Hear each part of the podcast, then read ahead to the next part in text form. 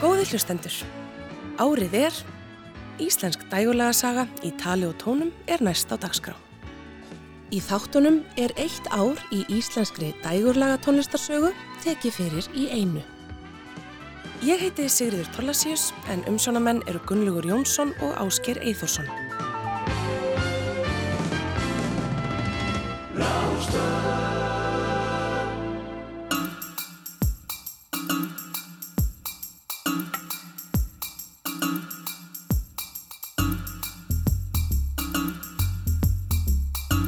Árið er 1993.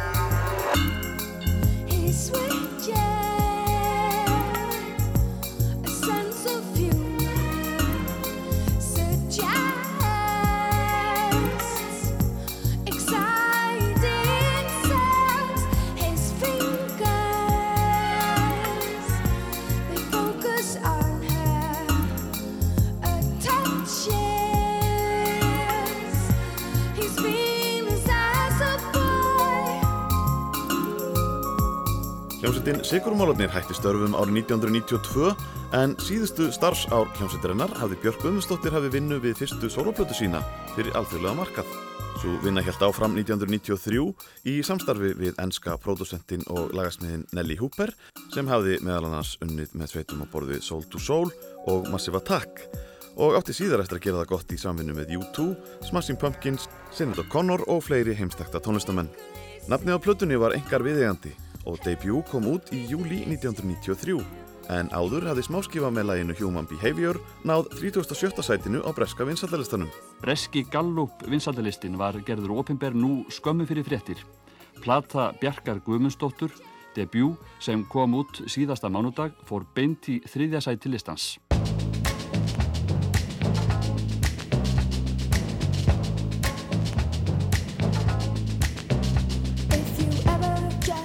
Björk Guðmundsdóttir er fyrst íslendinga til að komast á listan yfir tíu vinsælustu breyðskjúurnar í Breitlandi.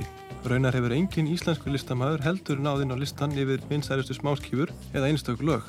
Sigumólarnir komu breyðskjúunni Lives to Good í 14. seti og Mezzoforti náði lengst í 23. seti.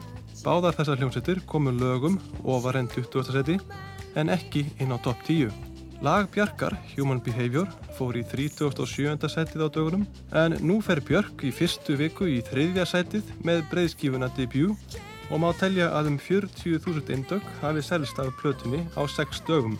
Írska stór hljómsendin U2 er í fyrsta seti listans en Björk skýtur meðal annars aftur fyrir sig nýjum plötum frá Sting og Barbara Streisand.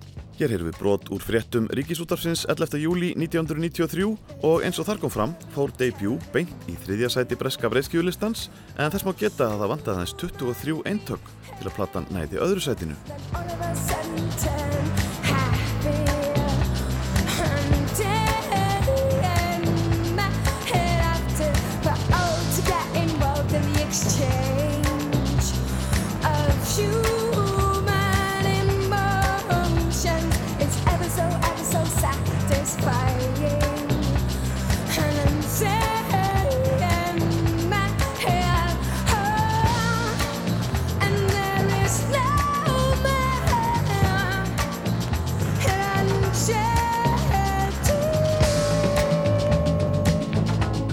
Björk var bæði hissa og ánað þegar fréttastofan tilkynnti henni þennan árangur.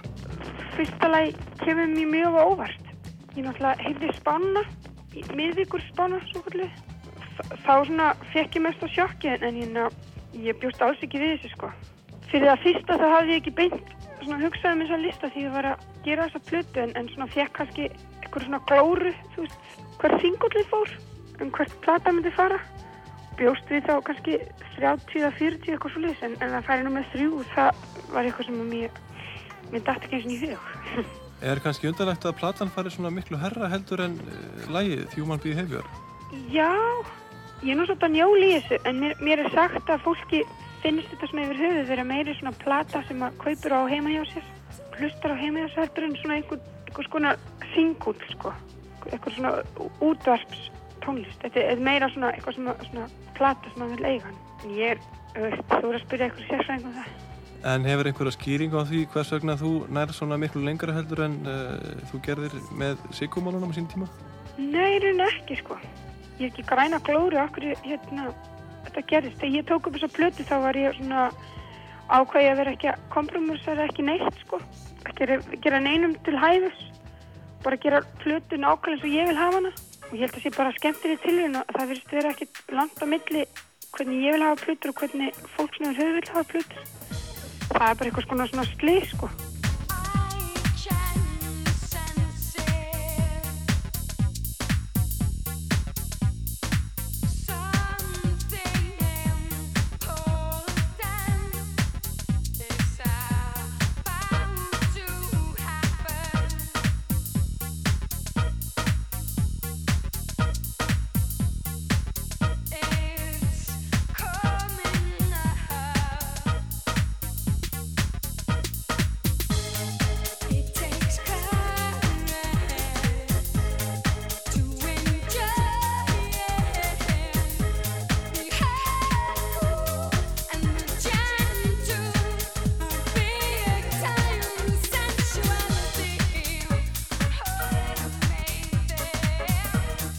Hér upp af tónana í læginu Big Time Sensuality af debut Plötu Bjarkar sem helt áfram að mók seljast allt árið 1993 og við skiptum aftur yfir á fréttastofu Ríkisútarsins. Björk hefur nú selt 100.000 eintök af plötu sinni debut í Breitlandi og unnið þar með til gullplötu þar í landi, fyrst íslenskra tónlistarmanna. Selst hafa 250.000 eintök í bandaríkjónum. Björk býr nú í Lundunum og hefur staðið í ströngu að undan þörnu við að kynna plötuna. Hún sá sér þó fært að koma til landsins í dag og taka við gullplötu fyrir 5.000 seld eintök hér á landi. En bjóst Björk við því líkum undirtektum þegar hún var að semja tónlistina á plötuna? Nei, ég hef nú sagt það mikið sko. Þegar ég gerði þessa plötu þá var ég svona að gera svolítið svona, taka skref aftur og bakk frá síkumulunum og gera svolítið svona prívat svona plötu og bjóst alls ekki við um að fá svona miklu aðtegli. Komið mjög óvart. En uh, nú ertu farin að, spila með hljómsveitinni. Uh, hvernig er að flytja þessa tónlist lifandi á sviði? Það er mjög gaman. Þegar ég samti þessa tónlist þá gerði ég hann ekki með sagt, lifandi flutning í huga. En það hefur verið mjög spennandi að hérna, þýða tónlistina frá plötu tólkun yfir á svona tónleikatólkun og mjög gaman. Þegar þarna var komið í sögu hafði Björk sapnað saman mannskap í hljómsveit sem fylgdi plötunni eftir á tónleikaferð um Evrópu og Bandaríkin og hittaði meðal hans upp fyrir írsku hljómsveitina U2 á 50.000 manna tónleikum á Embla-leikvanginum undir lokás 1993. Í millitíðinni hafði Björk samið og flutt aðalægið í bíómyndinni The Young Americans í samvinnu við ennska tónlistamannin Tja Bobbul og kvikmyndatónskáldið David Arnold. Lægið Play Dead náði 12. sæti breska listans og komst inn á topp 20 í fjölmörgum öðrum löndum og það var ákveðið að bæta læginu við í aukaútgáfu á debutplötunni sem gerði það verkum að platan rauk aftur á stað upp breyðskífulistana og hafði selst í 1.200.000 eintökum í áslokk og var víðavalinn bestaplata ásins 1993.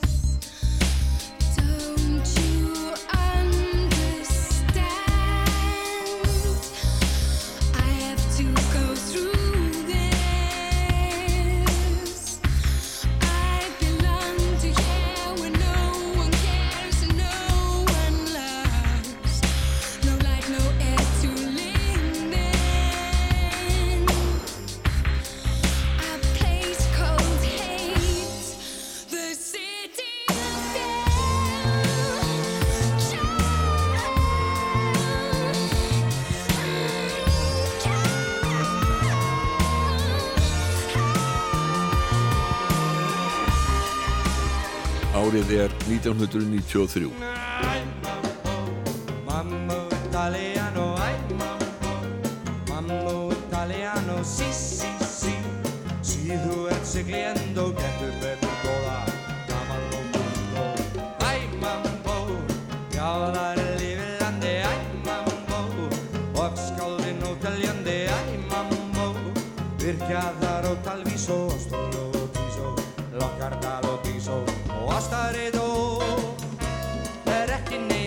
að sveit og Herðu, við vantar kaupa kona Kanski ég ég vona Að þú kemur inn með mér og eila drófi Hverðið er að æ, mammo, mammo, italiano. Þegar Sigurmólarnir hættu árið 1992 hafði trommari sveitarinnar, Sigdrugur Baldursson að eigin sögn stopnað litla pöppaljómsveit sem hafði það að markmiði að spila á öldurhúsum borgarinnar til að verða sér út um skotsilfur.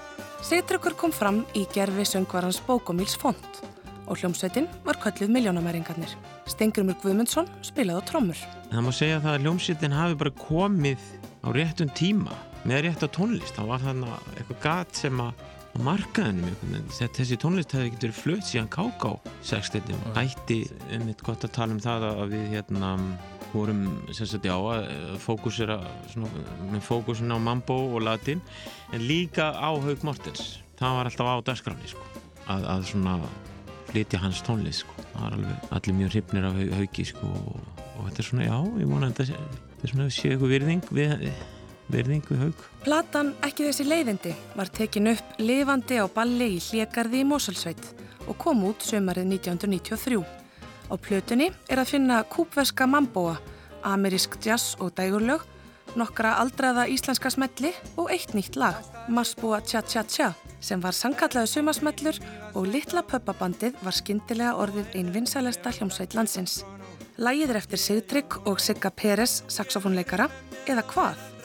Seitryggur Baldursson segir frá. En þetta er náttúrulega stólið, þetta er bara, þetta, þetta er bara sko, hérna, einhver mexikönsk þjóðvísa. Þetta lag getur heyrt allstaðar í Karabíska hafinu í alls konar útgáðum. Þetta er bara svona eins og maður segir sko, svona, þjóðlag í rauninni, eða svona prat. Ég og Siggi suðum nú saman textan saman og með þess að það áttu margir, það eru margir sem eiga línu í þessum texta, meðan annars Hilmar Rönn Hilmarsson og Megas. Megas átti með þess að línuna allt þetta er gestirnir garga og sprit. Marsbúarnir, þeir lendi í gæð diski með ljósinn skæ Rönd að kenna mér smá rock og ska En það besta var samt tja tja tja Þeir eru gulinn með hvítar tær Og kunna dansana frá því gær. Þeir elska berur og banana En samt elska þeir mest tja tja tja Og að þeir geira um sólgerfi gáttir koma við það sem þeir eru þörf. Þeir eru bæði kúl og eftir látir og kenna okkur góð og gagleg störf til dæmis að drekka sjokoladi borga gamla skuldir stappa við baði og allt Já, ég var einmitt að vinna plötuna Þrý blóðdrópar með Megasi og Hilmar í Hilmarsinni og Jónu Ólafsinni og fleirum góðum önum þegar ég var reyna að klamra saman textanum við þetta lag þetta var náttúrulega, þú veist, allt í djóki sko. þetta, þessi plata var átt að nú að vera djók sko. Og var það í rauninni? Og að, ég er að reyna að sjóða saman hennar texta þegar ég er í stúdjón að, að tromma inn þessa me megasaflötu og ég sittum fram og erum að drekka kaffi og þá segi ég einhvern veginn stundarhátt hvað rýmar hérna við? Þeir gera þetta, þeir gera hitt. Og þá saði Megas alltaf þetta er gestirnir garga á spritt og svo lína komin sko. Og margt fleira gott. Þeir gera þetta, þeir gera hitt. Allt þar til gestirnir garga á spritt Þeir gera vel við barþjónana En samt gera þeir best tja tja tja. Og að þeir gera sólgerfi gátir Koma við þar sem þeir er þörf Þeir eru bæði húl og eftir látir Og kenna okkur góð og gagleg starf. Til dæmis að drekka súkulaði Borga gamlar skuldir Slampa við baði Og að Haraldur Reynisson var komið með þó nokkuð góða reynslu á því að koma fram ofinberlega þegar hann reyðist í að gera plötuna undir hömrunum Háu sem kom út haustið 1993. Hann var með reyndar í trúbátorum landsins og leindi ekki aðdáðun sinni á herði Torfasinni sem var helsta fyrirmyndin. Titilæði samtan fyrir ömmubróðu sinn sem bjó á bænum Hömrum í Borgarfyrði. Hér hefur hann búið æfina alla og þekkir hverja þúfu hvern stein leið hans verður er fer hann til fjalla sitt fér að sækja heim. Hann unni sér vel undir hömrunum háu hér hefur hann allt sem þarf. Fjallakyrðin og klettana gráu og kotbóndans drauma starf Fjallakyrðin sína gráu og kotbóndans draumastarf Árið er 1993. Þegar borgin sefur og allt er orðið hljótt þá læðist þú um huga minn eins og þjófur um nótt. En líðan mín er undarleg ég óttast það sem koma skal því að ég veit ég er ástfangin og ástinn er svo undarleg Platan Lífsmyndir Magnúsar og Jóhanns kom út árið 1993 og innihjælt 11 glæni í lög og 5 eldri úr lagasmiðju Magnúsar Þós Sigmundssonar og Jóhanns Helgasonar. Þeir sungu nokkur lög sjálfur en í öðrum nötu þeir aðstóðar nokkura af þekktustu dægurlega söngurum landsins. Meðal þeirra sem komu við sögu á plötunni voru Pálmi Gunnars, Steppi Hilmas, Helgi Björns, Björn Jörundur, Eyjólfur Kristjáns, Sigga Beintins, Rúnar Júl, Pétur Kristjáns og Páll Óskar. Þemur árum áður hafði Magnús Þór Sigmundsson samband við Palla og sá síðanemdi sagði Jóni Ólafsinni og tónleikagestum söguna á bakveðlægið Ást við fyrstu sín í spjall tónleikaröðinni að fingurum fram í salnum í Kópavogi. Ég man að þetta var eh, einmitt 91 og hann segir mér að hann sé búinn að semja lag fyrir konuna sína. Og hann vildi að ég myndi syngja þennan plötu. Þá var Pétur Kristjánsson nefnilega heitinn að búa til plötu með Magnús og Jóhann. Ný lög eftir Magnús og Jóhann bara sungin af alls konar söngurum að þeirra eigin vali. Og uh, ég man að ég kem inn í stúdjó með Magnúsi Þór og einum píjánuleikara Pálma Sigurhjartasinni og við tveir tökum upp bara röddina og píjánuendileikin og þar við satt, þetta gekk bara fínt. Svo heyri ég bara ekki neitt. Þessi plata lá ómiksuð í kössunum í tvö ár. Það var ekki til neitt peningu til að klára verkefnið. Og jólin 1993 þá kom platan lífsmyndir út og hún hvarf. Hún seldast ekki neitt. Þetta var, þetta var fínirins plata en hún bara gekk ekki jólin 93 hraðspóla nú uh, fram til ásins 1995 þá er þáttur á FM 957 sem heitir Rólegt og Rómatíst og hann steppi sem að var að sjá um þann þátt byrjar að spila þetta lag. Og síminn fyrir að ringja hjá honum. Fólk fyrir að byggja um þetta lag sem óskalag og smán saman fyrir að spila ástufjöstu sín á hverju einasta kvöldi. Það næsta sem ég veit er að síminn fyrir að ringja hjá mér. Það eru tilvonandi brúðhjón sem er að fara að gifta sig og vildi að ég myndi syngja þetta lag í atvöldinni þá fyrir boltin að rúla og þessi saga eiginlega sýnir og sannar bara eitt fyrir mér. Gott lag er gott lag og þú getur ekki reynd að halda þín eitt niðri. Gott lag bara finnur sér farveg upp á yfirborðið alveg svo vatn. Við eigum svo undur vel saman við tvö.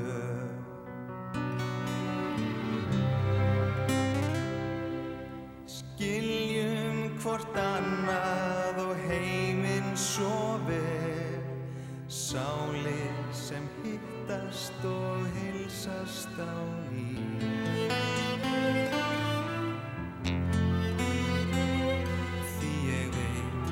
Ég hef elskað þig áður og elskað þig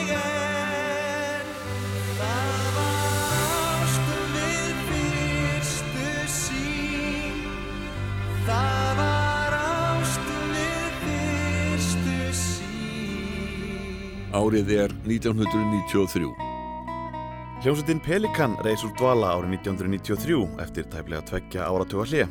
Pétur Kristjánsson leiti sveitina eins og í upphafi og Björgun Gíslason, Jón Ólafsson og Áskir Óskarsson mættu aftur til starfa en einn nýr meðlumur hafði bæst við, gítarleikari sálarinnar Guðmundur Jónsson. Ég fór nú Pelikan bara því ég vildi vera óbreyttu liðsmaður ykkur í hljónsveit. Ég vildi ekkert vera hérna að ráða eitthvað þar og bara út af vinskapið Pétur heitinn og, og spila með Björga Gísla, gítarleikara, sem er besti gítarleikar í Íslandi. Sko. En, en það átti ekki að vera Pelikan heldur. Við vorum að vinna í sólapatti á Pétur og já, já. svo ákvaðan hann einhver bríjar í að hei, já já eins og það fara í fjekkvumyndunar sko að búið til pelikan og svona, við svona ekkert að, ég var ekki tvola ánægð með það, ég veit nú til eða sko. Sagði Guðmundur Jónsson í viðtali í Rokklandi á Rás 2 en sálinn hans Jónsmins var komin í frí þegar þarna var komið sögu. Pelikan sendi frá sér samnenda plötu vorið 1993 og af henni naut lagið Ástin er töluverðar af vinselda. Þú var svo eina sem ég sá. Sundur ég greindi hísmið frá. Numin á brotni skorti svar. Higandi stóð ég þar um stund. Strandljón var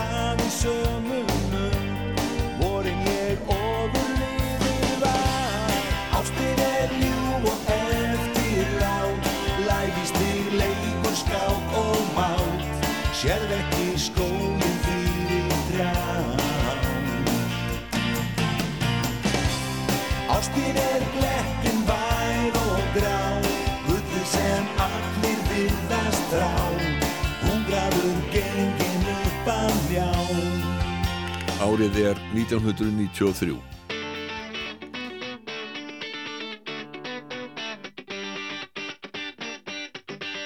Eftir að Sálinan Sjónsmins lagðist í hýði í ársbyrju 1993 stopniðu Stefán Hilmarsson og Fridrik Sturluson hljómsveit sem fekk nafnið Plánetan. Sigurður Gröndal og Ingólfur Guðjónsson úr Riksjó og Loðinni Róttu og Ingólfur Sigursson úr Rauðum Flötum, Orgli og SS-sól voru einnig um borð þegar Plánetan hóf sig á loft, en sveitin starfaði í tvö ár. Pláneta gerði út á sveitaballamarkaðin og sendi frá sér tvær plötur. Svo fyrri heitir Space og kom út voru 1993 og lagið Fun heitur naut mikill að vinsælda.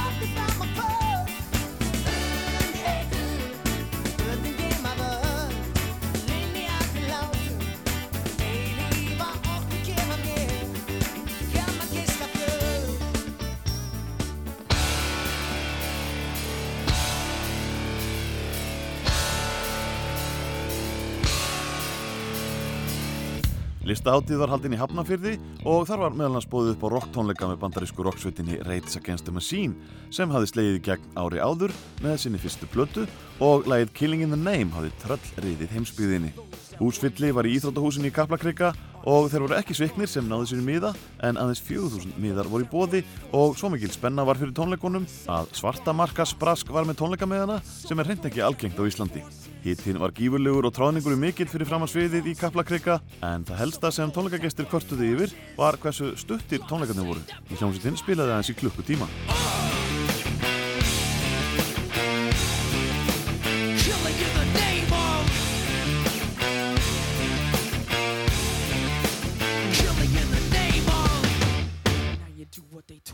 Bandaríski tónlistamæðurinn og kvipmyndalegarin Chris Kristofferson hjælt tvenna tónleika á Hotel Íslandi í byrjun ársins sem mæltust vel fyrir. Úlvar Eisteinsson, matrislumadur og þrem frökkum notaði tækifærið og bauð Chris í hátægismat og í samtali við Alþýðublaðið sagði þá bandaríski að þetta hefði verið besta máltíð sem hann hefði smakkað og bettiði við hann hefði aldrei borðað annað eins af ófríðum fiskum. Árið er 1993.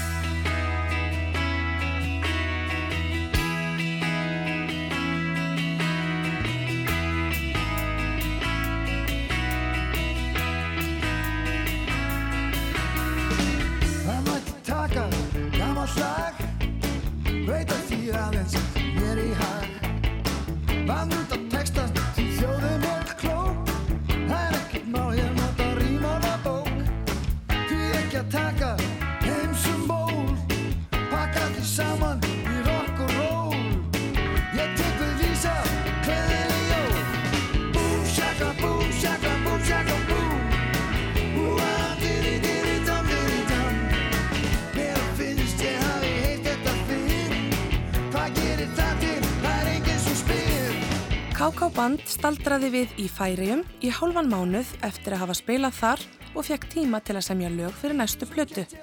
En platan Bein leið var metsöluplata ársins 1992. KK og félagar áttu nokkur lög áður en þeir heldu utan en ekki nóg til að fylla heila plötu. Dvölin hjá frændum okkar í Færium var góð og var ákveðið að láta plötuna heita Hotel Föraujar. Hún var kynnt á útgáfu tónleikum 30. november en fjórum dögum fyrir tónleikana virtist yfirlýsing frá KK bandi um að plötur hljómsveitarinnar yrðu ekki til í plötubúðum skífunar og spors. Ástæðan var sögð svo að þessar vestlanir gerðu óháðum útgefundum lægra undir höfði en listafólki sem gæfi út hjá fyrirtækjunum. Lægið um álfablokkina fekk mikla speilun og varð vinsælt. Í álfablokkinu bjó, lítið stúlk og mjó, átti sér draum söðu við sjó, þar álfa drengurinn bjó. Einn var hængur þó á, hún fekk ei drengin að sjá, því mamma var þver og pappi var skver, því fer sem fer. Babú, babú, hætta á ferð, babú, babú, svon er að skapa þjóðfélagstegn, bæði vörðu við, við grett og yldu sig, skeikar á sköpum sama en ég, hún skellt á eftir sér. Árið er 1993. Viltu finna fyrir sól? Hvað viltu gefa fyrir hól Ekki búa þér neitt ból En þú vil finna frelsi Þegar myrkrið skellur á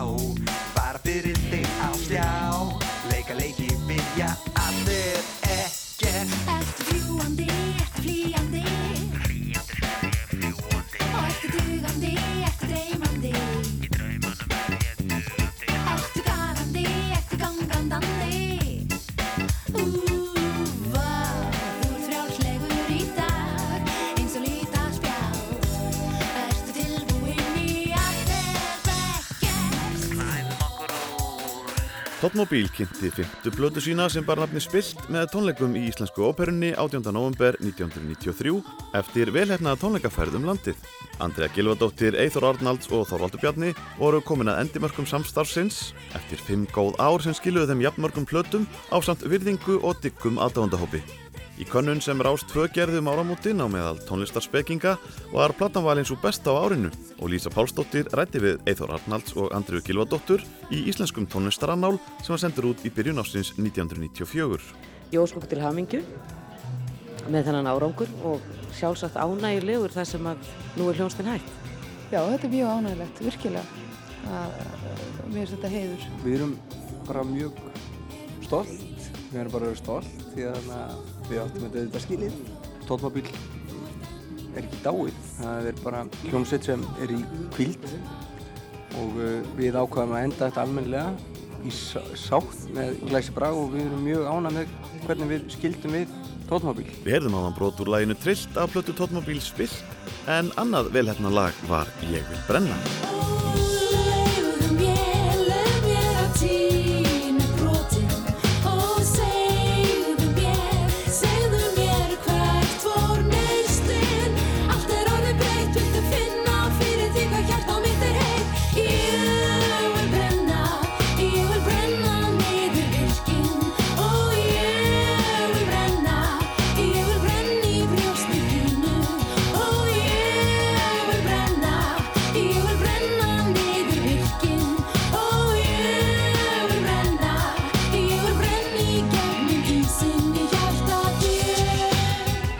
Gerir ráð fyrir því að þið séu ekkert hægt í tónlistinni, Eithor, hvað ætlað þú að fara að gera? Já, við ætlum öll að vinna í músík áfram, við erum, við erum sérst, ólæknandi að því leiti. Ég ætla að fara að vinna með Móði, Jónísdóttur og við erum byrjað að vinna lög og það er ekki komið mikið lengra það. Hljónstin gengur undir nafninu Bong. Andrea, nú veit maður að þú ert auðvitað að syngja með borgadætrum og hefur nú reyndar verið að syngja út um allt með hinum og þessum í gegnum tíðina þó svo hafi verið í tóttmóbíl. Eru borgadætur eina dæmið í gangi eða er eitthvað meira í gangi? Nei, ég er nú reynda með fingurna uh, út um allt eins og venjulega. Borgadætur eru núna alveg á full swing, sko, ef ég má sletta því. Svo er ég að vinna sem duett með kjartanu Valdimarsinni, söngur og piano.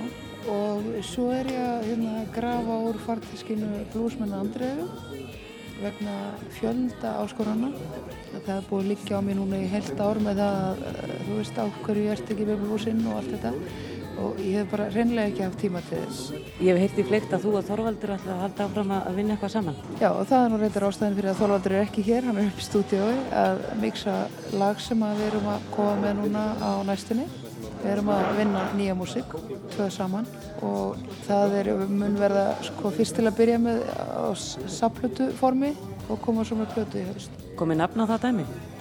Nei Það hefur verið að leita sko, það er nefnin sko, það eru erfið Verkefni Andrei og Þorvalds fekk nafni Tweety en Tottenham var ekki lengi í fríi því árið 1996 kom sveitin saman aftur og út plötuna Perlur og Svín. Íslensku tónlistavölunin voru afhend í fyrsta skipti í byrjun ásins 1994 og þar sópaði Tottenham að sér verlunum sem hljómsveit og flytjandi ásins. Þorvaldur fekk velun sem lagahöfundur og Andrea sem textahöfundur ásins. Lag ásins á íslensku tónlistavölunum eins og í áðunundur konun Rásar 2 var Stúlkan. Stúlkan kisti á stein og kisti einn bíl Stúlkan kisti á rúðu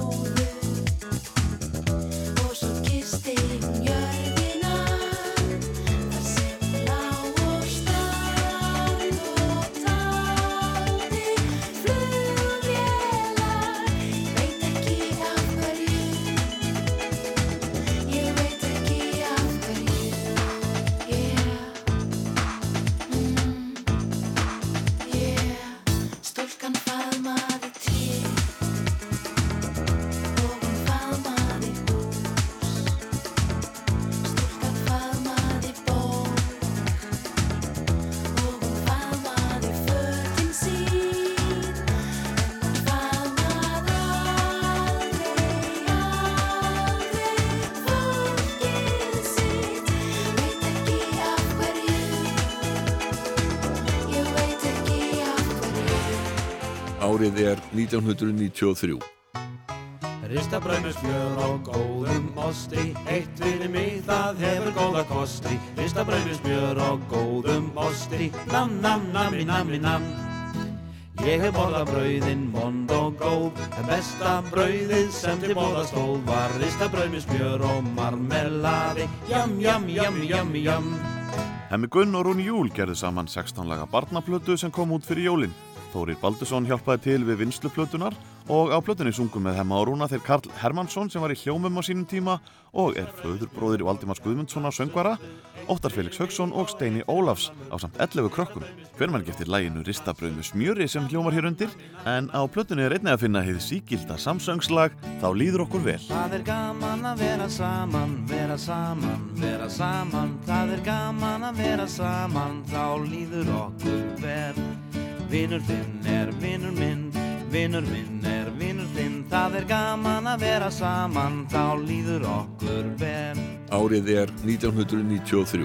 Hollywood Hollywood Hollywood. Try and make connections.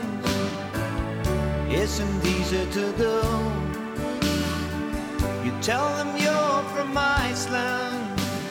Herbert Guðmundsson sló hressilegi gegn annari sóluplötu sinni Dawn of the Human Revolution árið 1985. Þegar kom að næstu plötu Being Human gaf Herbert sér nokkur ár til að sapna fyrir útgáfunni þar sem hann fjármagnaði hana alfarið sjálfur. Hann leitaði til nokkura þekktustu lagahöfunda landsins og tók grönnana upp hér heima en upptökumæðurinn Ken Thomas hljóðblandaði lögin í Breitlandi.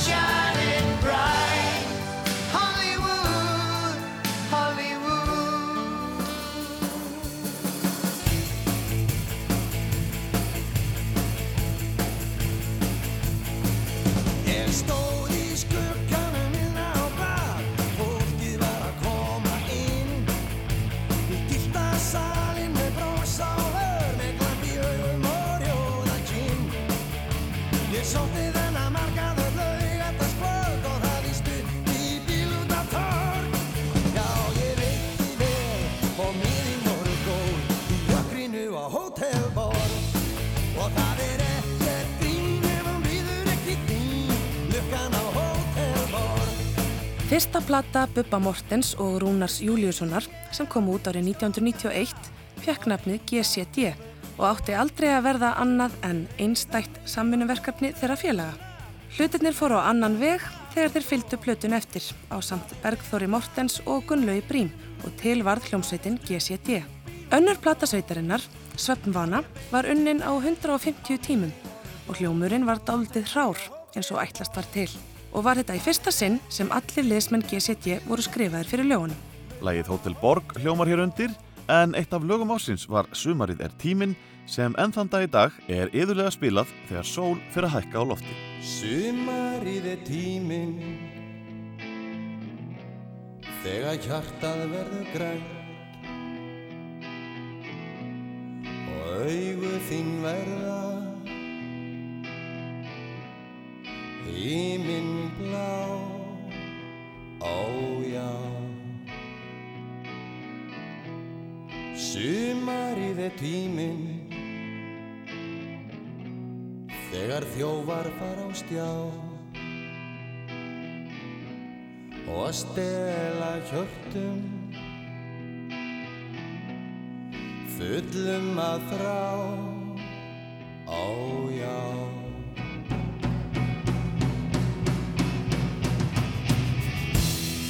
Þér finnst það í góðu lagi? Þér finnst það í góðu lagi?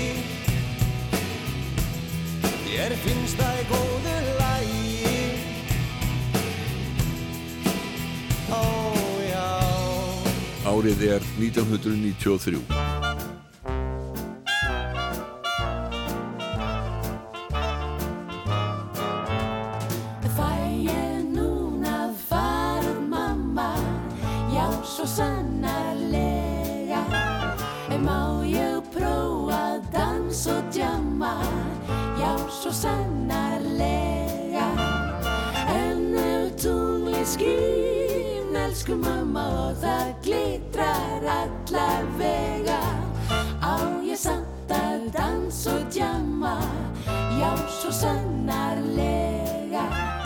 Ellen Kristjánsdóttir, Berglind Björk Jónasdóttir og Andrea Gilvadóttir komu fram undir nafninu Borgardætur á sumardaginn fyrsta þegar veitingasalur Hotels Borgar hafði verið færður í sína upprunlegu mynd.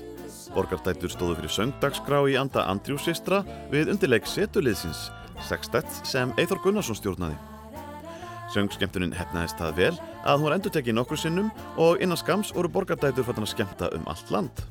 Eftirspurning var mikil og fyrsta hljómblata þeirra, svo sannarlega, kom út í lok ás og þar sungu þar íslenska texta við vinsæl stríðsáralög sem fjallu í góðan kokorokokokokí Ég kynntist þessu orði í Mexíkó. Kokorokokokokí, hljóma kelið einum í Og það giftist hjarta við og vera sló. Kokorokokokokí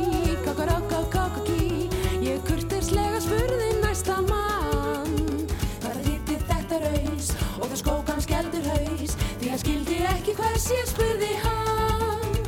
Og aldrei kemst ég vist að því Að því, bara að því, að því. Árið er 1993. Bláu augun þín Leika djúb og skæ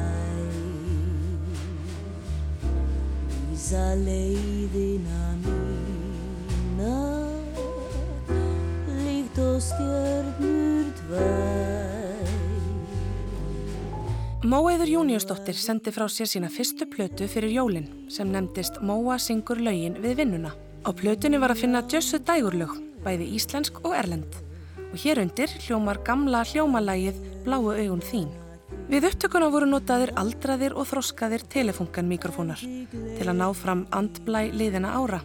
En Móa hefur náð fram gamaldags stemningu með söng sínum. Hljómsveitin Irja varð til upp úr samstarfi söngkvennana Margreðar Sigurðardóttur og Kristbjargar Kari Solmundsdóttur og hljómsveitarina Not Correct úr Hafnarfyrði þegar stúlkunar voru bennar um að semja og gefa út ásáttíðalag MR árið 1992.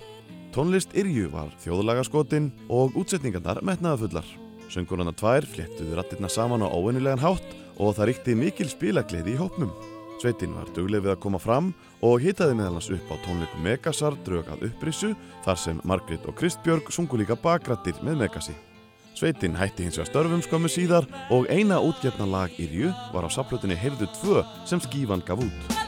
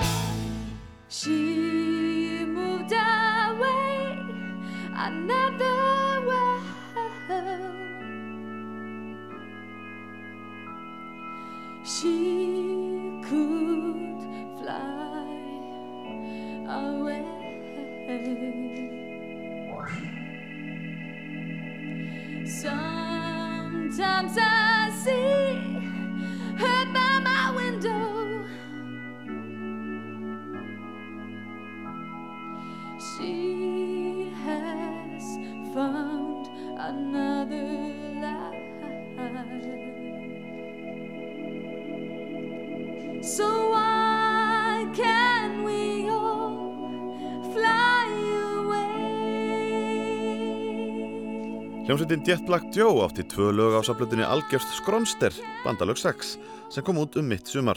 Sigríður Guðnadóttir, móðursýstir Páls Rosenkrantz, söng með sveitinni í læginu Freedom, en Gunni Bjarni og Palli voru heima hjá henni þegar þeir sömdu texta lagsins og hún fór að syngja með þeim og hjálpaði þeim að klára textan. Þannig leiti eitt af öðru þar til þeir báðana að syngja lægi þegar það tekið upp og það mikla spilun og fór í efstasæti vinsaldalista. Sigríður söng með Joe á nokkrum böllum eftir það áður en hún setti saman sína eigin hljómsveit með Bergþóri Mortens bróður Bubba. Joe piltar fengur bóðum að koma fram á Midfins tónlistarháttíðin á Fjóni sem haldin er vikuna á undan Roskilde Festival og er minni í sniðum. Strákarnir flugu til Danmerkur og þar var þeim ágætlega tekið þó fáir þekktu þessu íslensku hljómsveit. Að vísu var lagið Falling komið út á smáskífu og aðeins fara að hljóma í útvarpi en það var undanfari fyrstu stóru plötunar sem átti að koma á markað nokkrum vikum setna í Danmörku. Við vorum á heilmikli hátíðum daginn í Danmörku, miðfjóns hátíðinni og, og hvernig var? bara frábært. Þetta var rosalegt að koma upp á svona stórt svið og það var sjá svona mikið af fólki og þetta er toppurinn að þessu að vera að hitta Robert Plant og Já, bara svona í personu og bara, Og hvað, þegar röpuðu við hann? jú, jú. Gunnar Bjarni náði að reyka það að lenda með honum í búniserbyggja og djamma á gítar og reyka með honum nokkra bjóra. Grúpi. Skammast mér ekkert fyrir það. Þetta var bara, platan er komin út í Danmörku. Og hafið þið séð svona umfjöllun um hana þar? Þetta, var- já, þetta var eiginlega byrjunin á promóteringu í Danmörku. Já, þessi hátíð, og utan um þetta komu greinar í blöðum Mhm. frá blöðum sem sá okkar á mittfinn Já. Það var mjög góð krítik sem kom í blöðunum daginn eftir og síðan í Billboard. Hvað, þeir, fenguð heil síðu, eða fenguð hálf síðu í, í aftanpóstinn í þarna í Já, já. Danmörku. Pínulítil mynd af Ian Exel-söngarunum vil ég hann vera. Páll, Páll fekk sjálf sér þarna í fullri stærri lái. Álskjæri. Stór glæsilegur. Og hérna, þeir orðuðu að það meðal annars að hérna, að hér eftir getur Skandinavíu búar og, og þá aðalega Danir hérna, stóla á það að það væri ekki engungu folkmusík eða hérna, þjóðmusík sem kemur frá Þjóðlag. þjóðlega músík sem kemur frá, frá Íslandi eða músík samin á íslensku að þannig að menn séu gott rock'n'roll sem er komið til að vera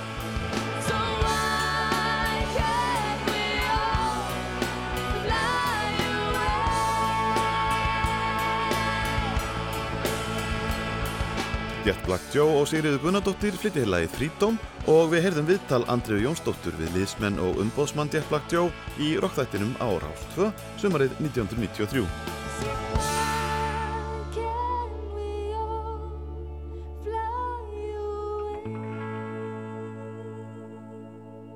Árið er 1993.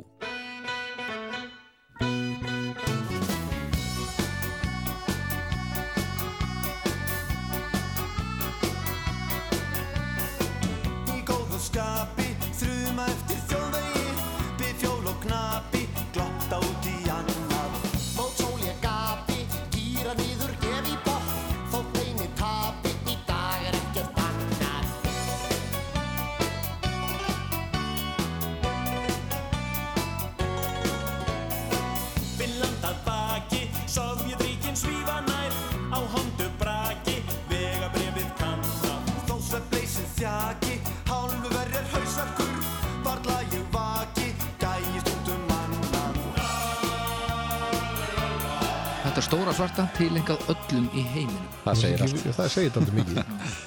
Hún er náttúrulega dálítið skits eins og, eins og allar okkar plötur.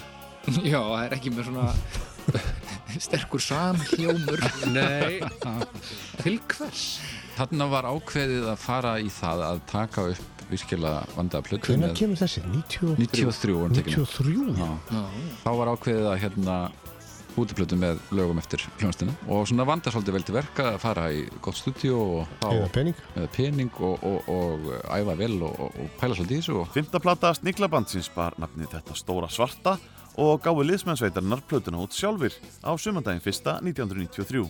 Við heyrðum þrjá þeirra, Björgvin Plóter, Friðþjóf Ísfeld Sigursson og Pálmar Sigurhjartarsson ræða plötuna við Frey Eyjálsson í þættinum Gemt en ekki glemt. Pálmi var nýgengin í bandi þegar vinna við plötuna hóst.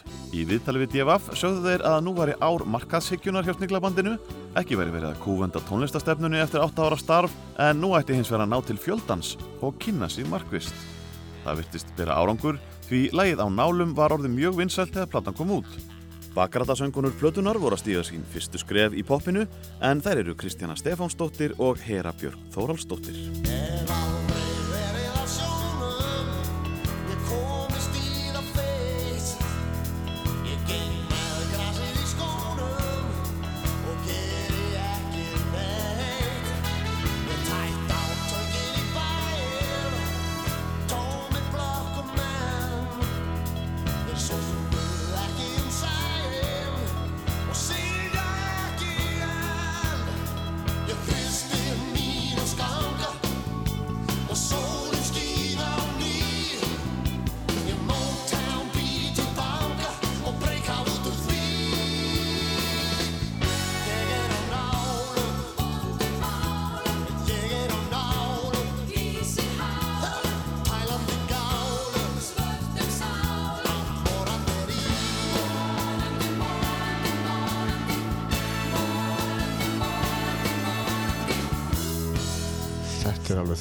Þetta var hérna Þannig er brassveitin líka og Já. stelpunnar að syngja.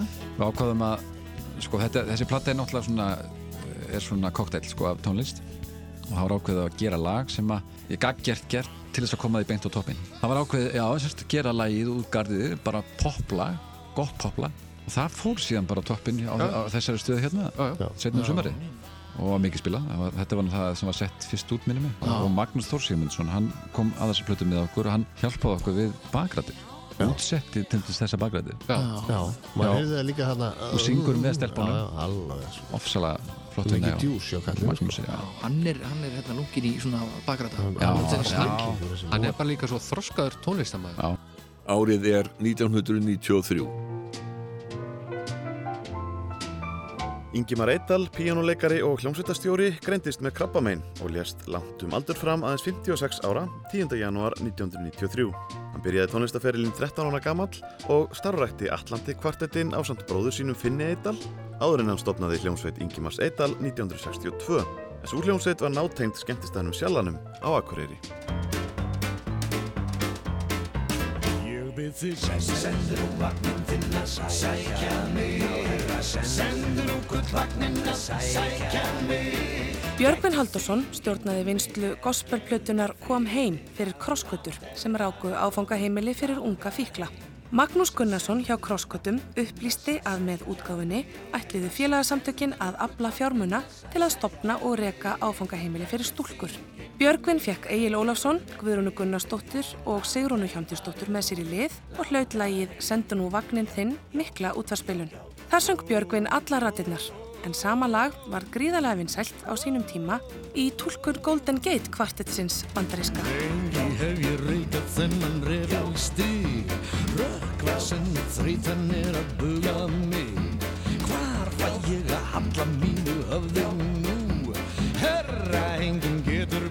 nema þú. Ég byrð þig. Sendur nú vagnin þinn að sækja. Mig. Sendur nú gull vagnin að sækja. Mig. Gætu þín, geymdu mig. Gefðu mér friðið Langt hef ég farið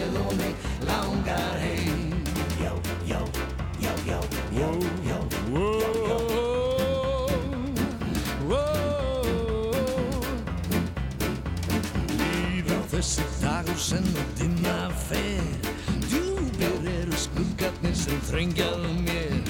Hvar fæ ég að handla mínu höfði nú? Herra, enginn getur bjargað nema þú. Ég byrð þig. Sendu nú vagnin þinn að sækja mig. Sendu nú gullvagnin að sækja mig. Gættu þín, gyndu mig. Gefðu mér fríðin Langt hef ég farið og mig langar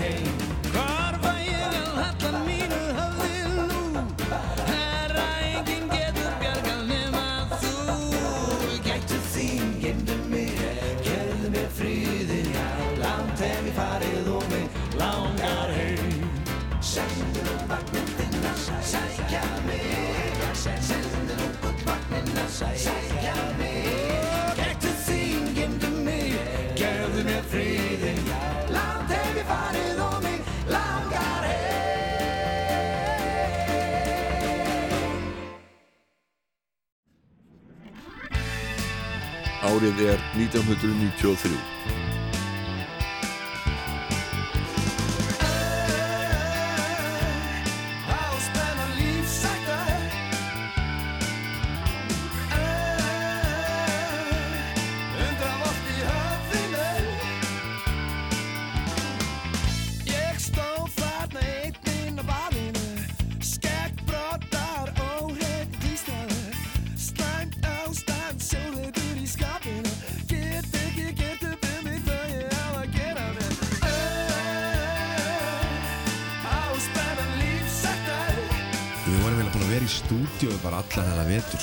92-93. Þá vorum við sem sagt í heimsfræðadraumum.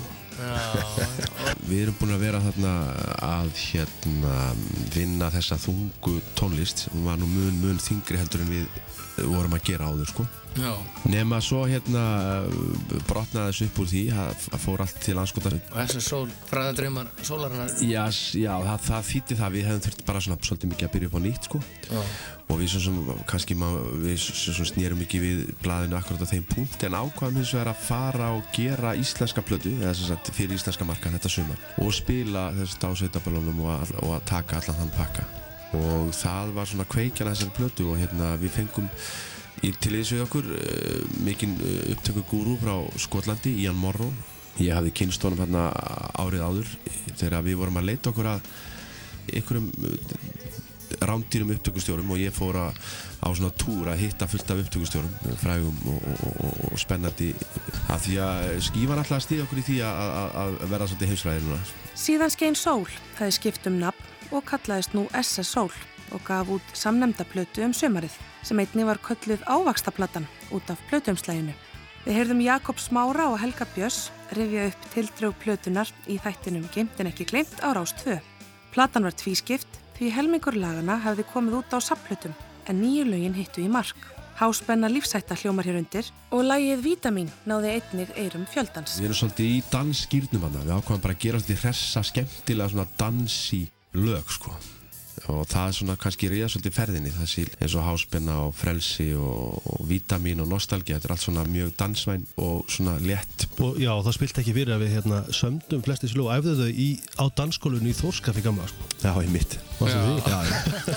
Það er alveg rétt Það var svona með, með allt, sko, diskokúlunar og allt blikkandi Diskokúlunar voru einmitt hérna í kringum okkur og hérna við settum saman niður bara í einhverja viku tíu daga og dundrum með þessum Já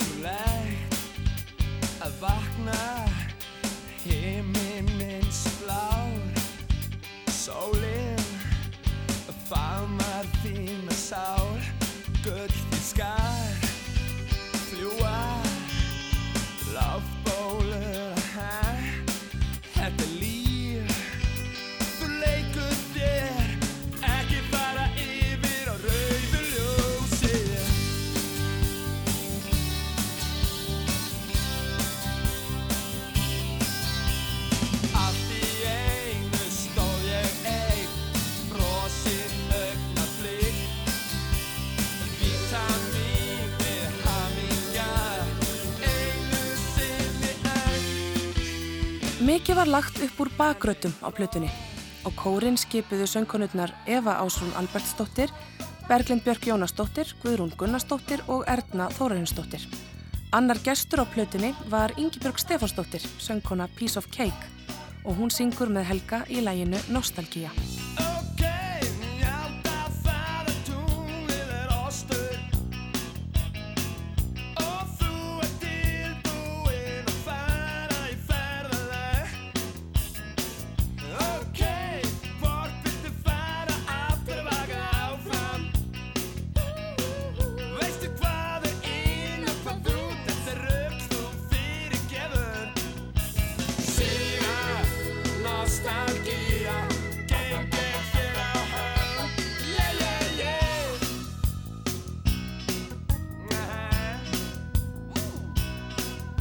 Eins og, sko þarna, síðasta áratugin náttúrulega, bara þegar 90 kom, þá bara var verið að rifja upp bara öldina, sko.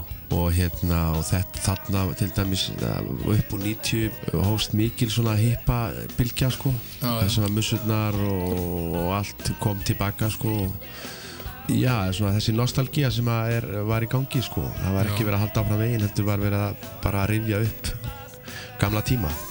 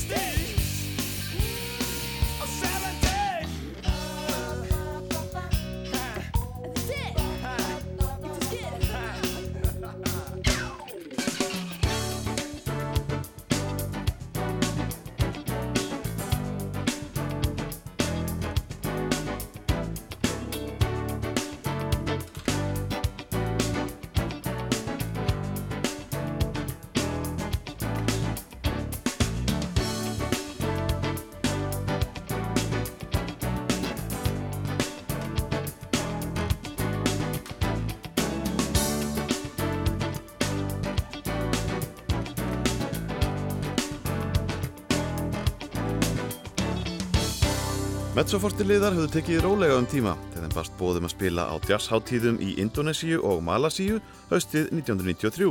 Þeir æðu upp nokkur af þekktustu lögunum sínum og nokkur nýbættust við. Hljómsveitin kom svo við í pub hljóðurinn í Danmarku á leiðinni heim og tók upp plötuna Daybreak á nokkrum dögum. Daybreak kom út hér á landi í desember og var svo gefin út víða um heim vorið 1994. Saxofónleikari Mezzoforte á þessum tíma var normaðurinn Kåre Kolve og spilaði hann með sveitinni á útgáfutónleikum sem haldin voru á veitingastafnum Ömmu Lú annan desember. Árið er 1993.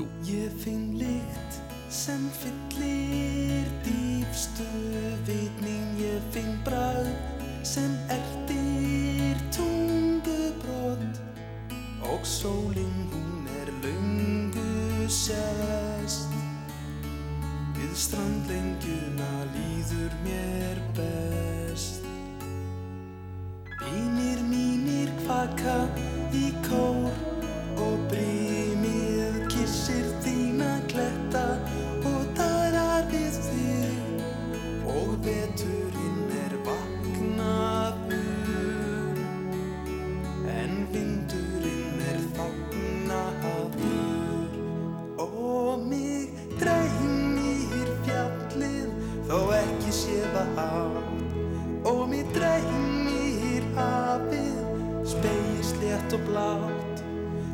dreymir fólkið þó heldur sé það fátt og buksa einat heim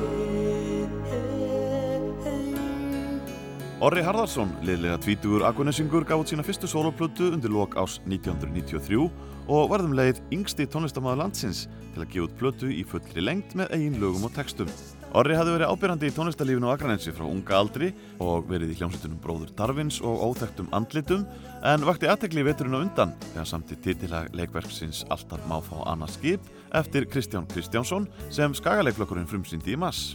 Platan fekk nafni drög að heimkomu og við heyrum hér undir uppafstóna titillagsins. Orri hafði sami lögin á plötuna í Danmörku þegar hann bjóð þar og hann sagði í viðtali við Morgunblaðið að líklega veri platan full af trega blandinni heimþrá. Það eru greinilega margir sem hafa tekið eftir þér á, á síðast ári. Já, eins og ég segi sko, það kemur nokkuð óvart, maður er náttúrulega alveg, alveg óskrifa blað og hérna, ég er óþekkt nafn, en ég meina ég er, ég er hérna afskaplega, afskaplega sáttur. Eh, Segðu mér, hvað er framhaldi hjá þér er þú að þvælast bara um með einn með gítarinn og ætlar að halda því áfram?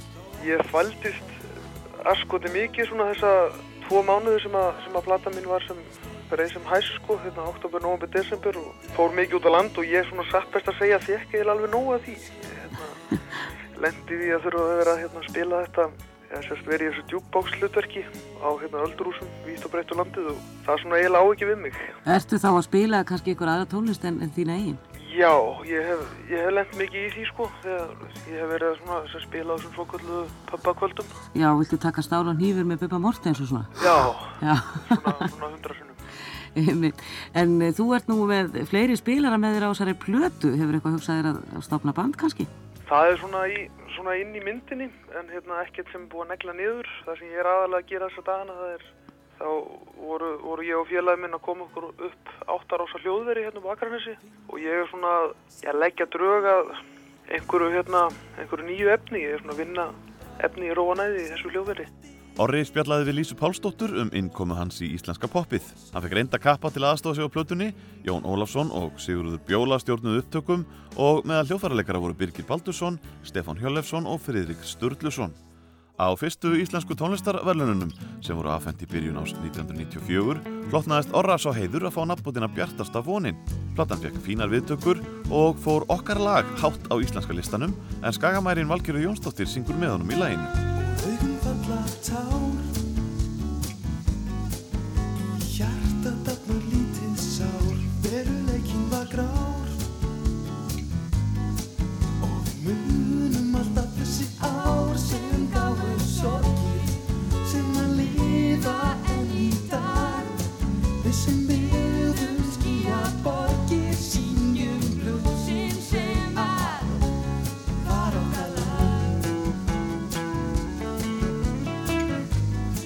Árið er 1993. Rafn Jónsson, trommuleikari, gaf út aðra sólaplötu sína, ef ég hefði vangi, haustið 1993. En fimm árum fyrr greindist hann með hrörnunarsjúkdóminn MND sem engin lækning hefur fundist við. Hann kynnti plötuna með stuttum tónleikum söðureyra megin í vestfjörðagöngunum í november og veru 30 manns viðstattir þegar hljómsveitin Rappi og Kó spilaði nokkur lög. Skömmu síðar held hann svo útgáfu tónleika í borgarleikusinu og að miðjum tónleikum afhendi hann sonum sínum, þeim Agli og Ragnari Solberg kjöðana. Kraftleysi í höndum gerði það að verkum að hann gati ekki lengur spilað á venjulegt trommusett.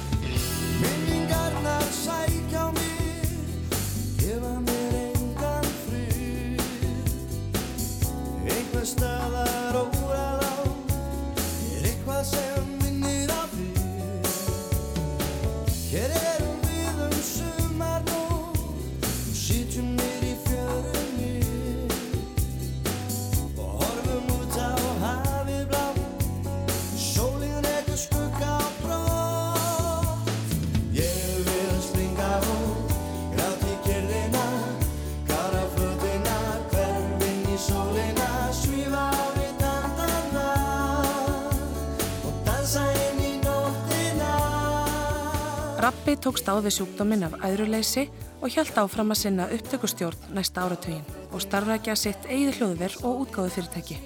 Lísa Pálsdóttir rætti við Rappa þegar tónlistar árið 1993 var gert upp í byrjun ás 1994. Nú við snúum okkur þar næsta tónlistaviðburðum ásins 1993.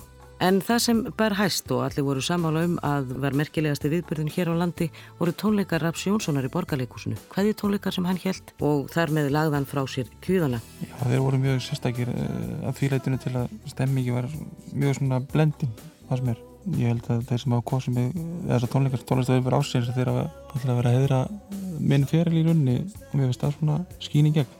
Tónleikandi tókast það vísu mjög vel en, en hérna, það var mjög skrítið semst, að standa upp á sviði og, og vita að það maður að spila í síðaskipta trómasett. Það er mjög sérstætt sko. En eh, hvað með þú ætlar ekki að hætta alveg að skapa tónlist eða hvað? Nei, nei, ég verði nú að pródúsera þessu ári og svo verði ég eh, stendi eitthvað í útgáfu líka en hvað við sjálfa mig varðar samt eh, músík sem ég sjálfur að búa til þá ætla ég að taka þetta ári að þjálfa mig að vinna á tölvu músík og hérna það er það sem ég ætla að gera þessu ári. Svo ætla ég að byrja svona eh, líklega ef að vel gengur á árun að vinna plötu á byrjunast ás Pródúsera nokkra plötur og, og, og gefa út þetta er nú alveg nýtt. Nei, þú hefur nú verið að pródúsera en, já, en og að gefa og já, þínar eigin. En ætlar að fara að gefa út aðra listamenn? Ég ætla að gefa allavega sannlega tvær plötur já, þessar. Hold var þarna sko fyrsta platan og svo var þetta efni sem var meir og minna tekið upp svona á milli tíma þarna svona 90 og 91 efni sem var tekið upp uh, fyrir plötu sem átt að koma út í Englandi en kom aldrei út. Vinnu heiti var Pimpmobil og síðan er eitthvað af efni þarna sem að rataði ekki inn í Sódóma sem er úr þeim frá þeim tíma. Og uh, Sódóma svona hvað maður segja, tímarithmin í kveikmyndagerð, hann rýmar ekki mjög mikið við rockið. Þannig að þetta langa ferli, tveggjára ferli í raun og veru að undirbúa og búa til og gefa sér út þessa bíómynd það rugglaði þetta aldrei mikið uh, ferli rockljónsveitarinnar að hérna, semja lag og gefa út tveimur ánum setna, það var ekki alveg orðið passin allavega ekki á okkar rithma Óttar Proppe söngvar í Ham okkur frá plötunni Sögur Roxins sem kom út vorið 1993. Hljómsveitin Ham fylgdi þar eftir velgengni kvikmyndarinnar Sótómu Reykjavík þar sem liðsmennsveitarinnar voru í stóru hlutverki með eins konar sapplötu.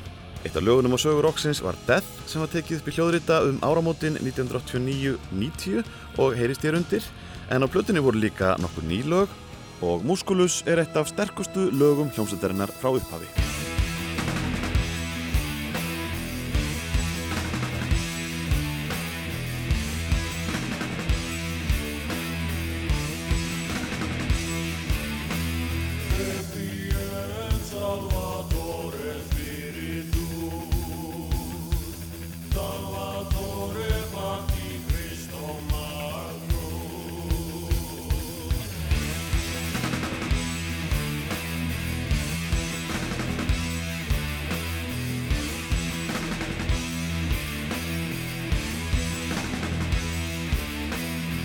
Sennilega, alltaf það ekki verið einna nýjast þegar þessi plata kemur út. Það urður smá mannaskipti í hljómsveitinni, Flósi, hérna gítaristi, hætti eða svona drósi til hliðar og Jóhann Jóhannsson sem var þá kentur við Daisy Hill Puppy Farm en er núna orðið og virt tónskáld undir eigin nafni. Hann kom inn og uh, Jói bætti inn í raun og veru hljómborði sem við höfum aldrei haft áður og uh, þarna voru við búin að vera svona síðhærðir að rokka og djöflast með döðarokk hljómsveitunum hinga og þangað einhvern veginn og vorum svona aðeins að þróa okkur í aðra átt svona vonumfætnir að hu- hugsa kannski aðeins meira á einhverjum prognótum komið þér út í algjört rugl en það hættu við mig flótlega eftir það Er erfitt að horfa tilbaka og sjá kannski tvö eitthvað sterkustu lögum á annars vegar sablutu og hins vegar kvikmyndablutu, Musculus og, og Partybæ? Nei, nei, alls ekki. Þannig kannski aðalega erfitt að horfa tilbaka og reyna að rifja þetta allt saman upp og átta sig á því að hverju voru svona miklu vitlisingar. Nei, þetta var nú einhvern veginn aðalsmerki ham á sínum tíma. Þetta var svona misetnað band. Við vorum allir svona daldið ólökkulegir einhvern veginn og við vorum aldrei neitt sérstaklega sætir eða meðvitaðir um hérna hvernig við ættum að afla okkar vinsalda eða, eða gera vinsal lög. Við vorum einhvern veginn í einhverjum nördaskap miklu frekar og það var alltaf einhver svona ólökku ljómi yfir þessu þannig að það var bara mjög eðlilegt að það skástu lögin skildu detta svona á einhvern ólökulegan hátt út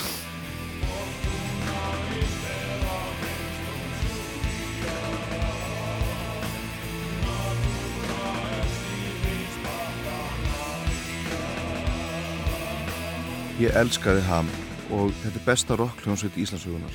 Ég eldi Ham á milli gigga og það vildi svo til að þeir voru að túra í New York sumari 93 þegar ég er eitthvað þælast þar sjálfur og leiður okkar lágu saman og ég náði að fara á flesta tónleika sem- þeir heldu þarna í þessari New York hverð og við náðum mjög vel saman og ég átti mér leyndamál.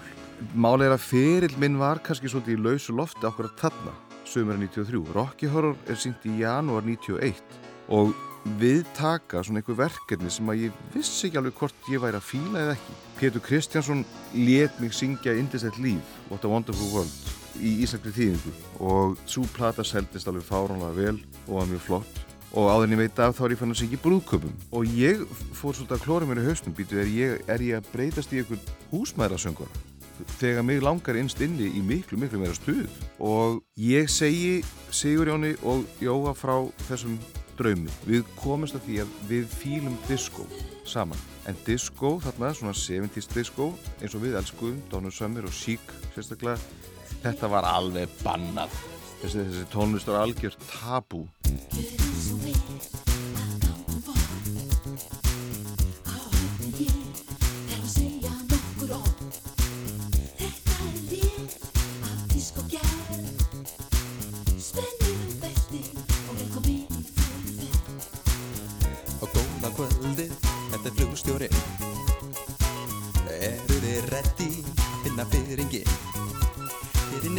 Gengur allt út á grúf Fáið það beint í æ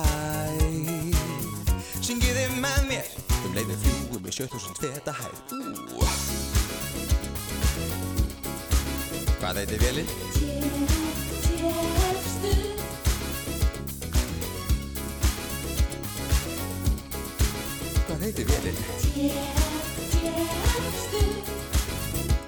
Páll Óskar Hjámtjesson tók fram Diskogallan og fyrsta sóloplatan hans leit dagsins ljós fyrir jóli 1993 og nafnið var viðegandi, Stuð.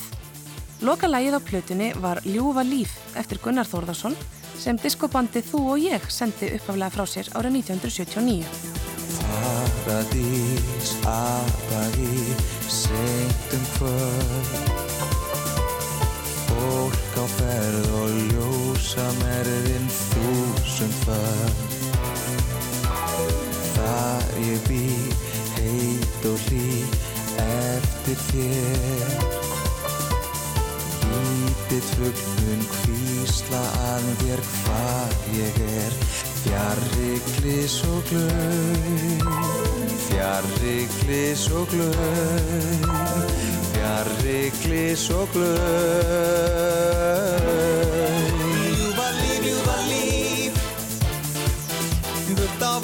svíf Ljúfa líf, ljúfa líf Burt á vængum svíf Sko, ef þú vilt spá eitthvað í, í konseptið með stuðplötunni, þá voru við Sigurjón og Jói svolítið að velta upp spurningunni hvort disco var í dáið, af því þetta var það sem maður var að heyra í kringu sig. Við vildum bara spurja þessar spurningar, er disco dáið í alvöru? Og ómeðvitað að þá voru við komið með lagasafn sem var að kóvera sögu diskosins.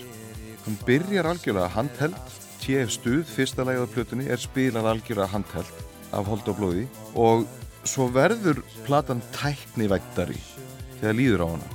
Og okkur fannst það meika sens að síðasta lagið á plötunni yrði Ljúfa líf sem er íslensk diskolag eftir Gunnar Þórðarsson og Þorstein Eggertsson tekið af fyrstu íslensku diskoplötunni sem kom út 1979 okkur langaði að klára hringin og fullkonan með því að gera Ljúfa líf en bara í svona 90s Too Unlimited útgáðu og svarið við spurningunni var mjög einfalt. Nei, disco dó bara ekki neitt. Það lagðist bara til kvílu, breytt um lögun og þróaðist út í eitthvað annað meira og skipti bara um nafn. Þetta var það housemusik, technomúsik, elektromúsik, eurotrash, hvað sem vilt kalla þetta. Grunnurinn að þessu öllu er discoið. Árið er 1993.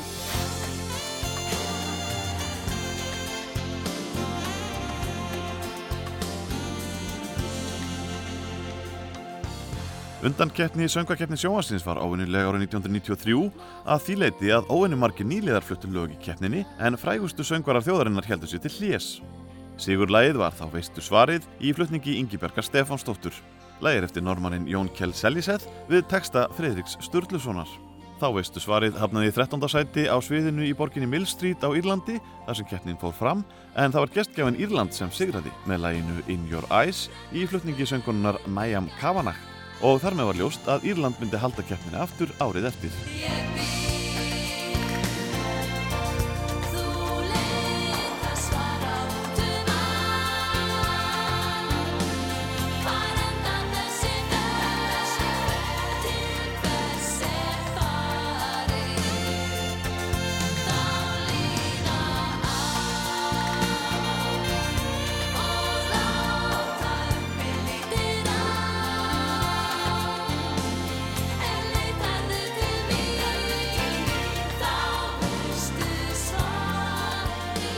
Árið er 1993.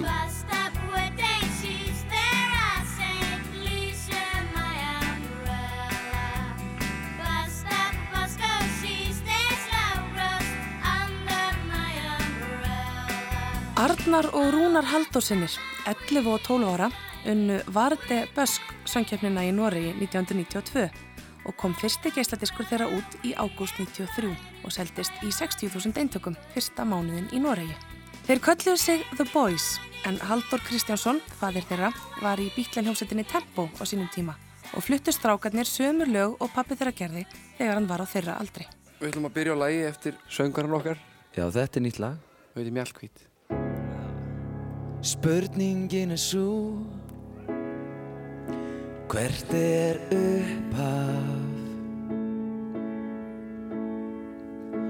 Spurningin er svo Hvert er stefn? Spurningin er svo Hvar skal byrja? Spurningin er svo Hvers er spurning? Ný dönsk heimsótti Margréti Blöndal í þáttinn aftur og aftur sem var dagskrá á Rás 2 á virkum mótnum veturinn 1993. Björn Jörundur var fjarrri góðu gamni en félagar hans kynntu plötuna Hunang sem var nýkomin í Vestlanir og þar fluttuðir meðal hans uppásla plötunar Mjallkvít. Heyrðu þá líka að bera hérna undir ykkur smá kjæftasögu. Já. Það fréttist um daginn að þið hefði verið búnir með þessa nýju plötíkar, einhvers staðar út í útlöndum, en svo var það endurvinnana og ástæðan væri svo að hún hefði verið alltaf góð. Það er nú kannski orð, orðum aukið. Platan er vissulega góð en hún hljómaði kannski full vel fyrir okkar smá. Það hefði verið það sem var að. Það var alltaf mjúk.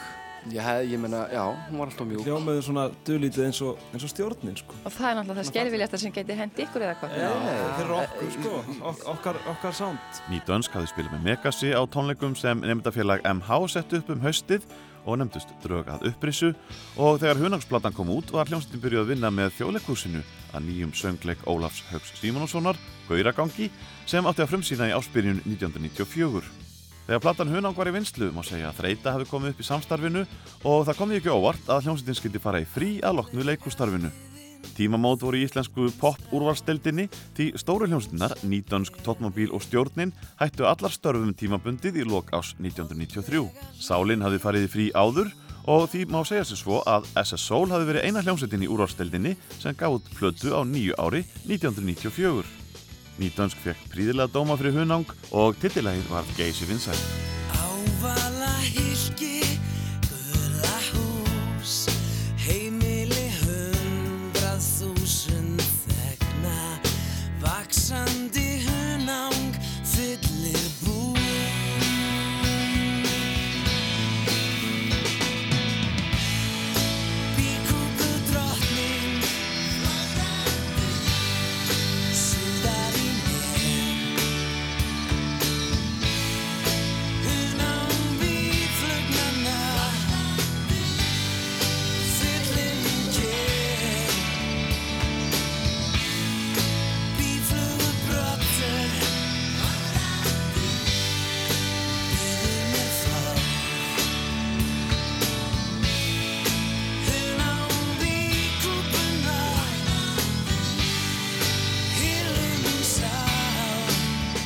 Árið er 1993. Suma dreymir gull og græna skóa og gráta þeir eiga ekki mei með gallbragð í munni brosa biskir og balva þar til sálin í þeim deg og Júdas er verðlaus lúser sem lífinu hafnaði segja þeir Bubbi Mortens var á jákvæðum nótum á plötunni Lífið er ljúft sem kom út haustið 1993.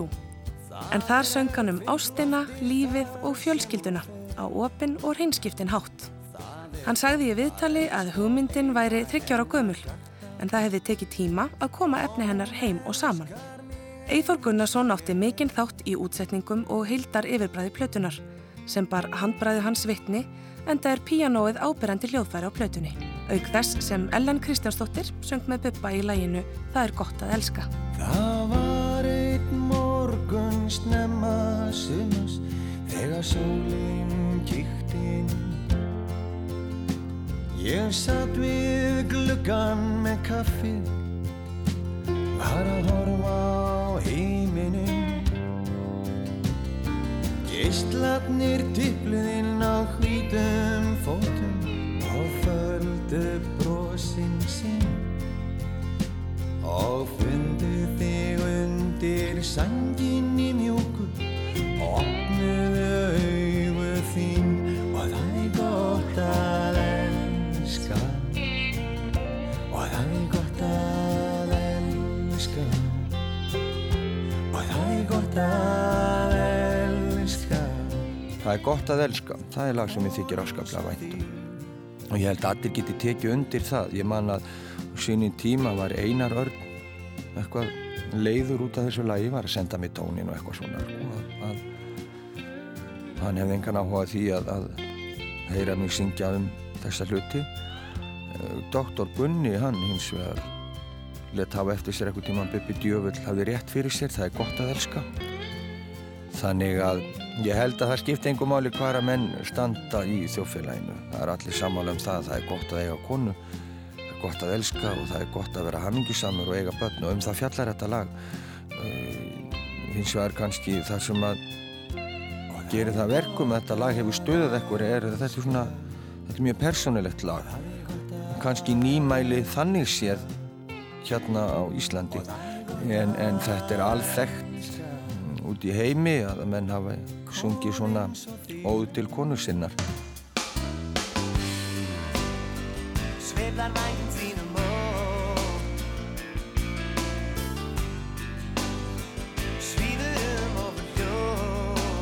Það var nóg að gera hjá Stefáni Hilmarsinni í Orlofi Sálarinnar. Því fyrir jólinn gaf hann út sína fyrstu sóloplötu sem fekk nafni Líf. Stefán hafði egnað sitt fyrsta barn og söng á einlegu nótum til svonarins og barsmóðu sinnar. Flest lögin samt hann í félagi við tvo frissa, þá Fridrik Sturluson, bassalegara Sálarinnar og Fridrik Karlsson, gítalegara Mezzoforte og stjórnarinnar. Stefán hjælt útgáfutónleika í Borgarleikusinu 1. desember og var það einu tónleikar hans í tengslum við plötuna. Ég var nú farin að huga soloplötu svona, já, eiginlega síðla árs 92 og svo svona meðfram plánnetu störfunum þá vann ég þá plötu og Fríðrik var mikið með mér í henni og líka félaga mínir í, í plánnetunni. Maður leitaði ekkert langt út fyrir mengið. Þetta voru hugmyndir og við Fríðrik höfum samin okkur lög saman, bæða á plánnetuplötuna og fyrir, og fyrir þessa soloplötu.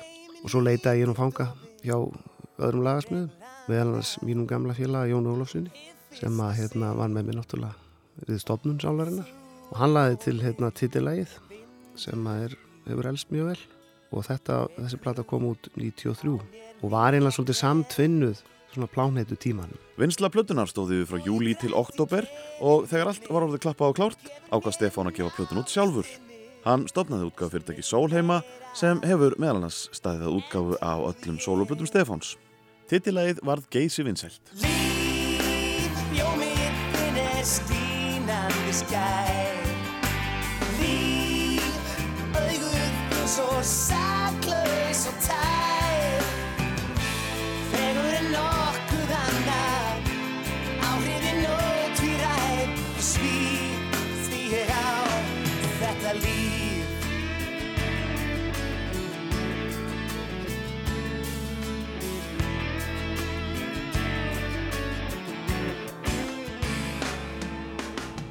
This is Radio Situation, broadcasting live across the nation.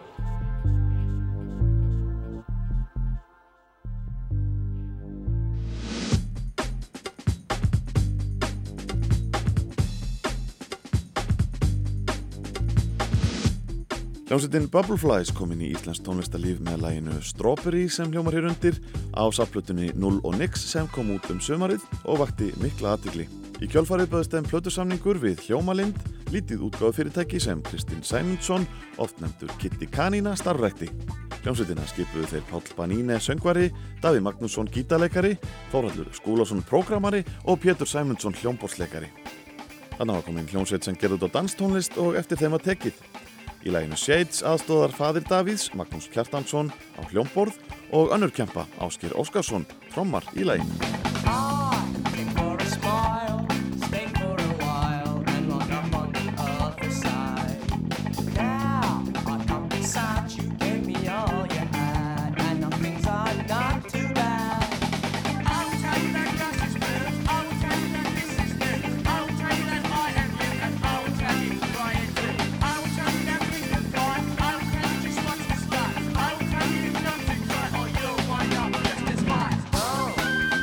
Þið eru svona að þræða þá línur að fara inn í danstónlistana sem er nú svona nýjasta tegund af tónlist sem hefur komið fram á síðustu árum. Af hverju völduðu þessa tegund tónlistar? Ég myndi nú ekki segja að platan okkar sé nú samt basic danstónlist sko, það er, það er allt frá basic gítarrocki upp í ambient og hérna, það er kannski ástæðan fyrir því að við erum allir með mjög ólíkan tónlist sem við hlustum allir að fara ólíka tónlist. Það blanda saman og gerjast kannski í einhvert gröð sem við vitum ekkert hvað á að skýra eða kalla sko, sem mér persónulega finnst gott út af fyrir sig en það sem við gerum kannski er að við notum meira elektróniska fítusa eins og eins og hljómborð og samfleira Já, og samfleira notastu trómulúpur og annað sem hefur ekki verið gert mikið hérna heima. Því miður og verið út af því að það er mjög góðu kostur. Við heyrðum Lísu Pálsdóttur ræða við liðsmenn hljómsveitarinnar Bubbleflies í áramóta annál Rásar 2 þar sem tónlistarárið 1993 var gert upp.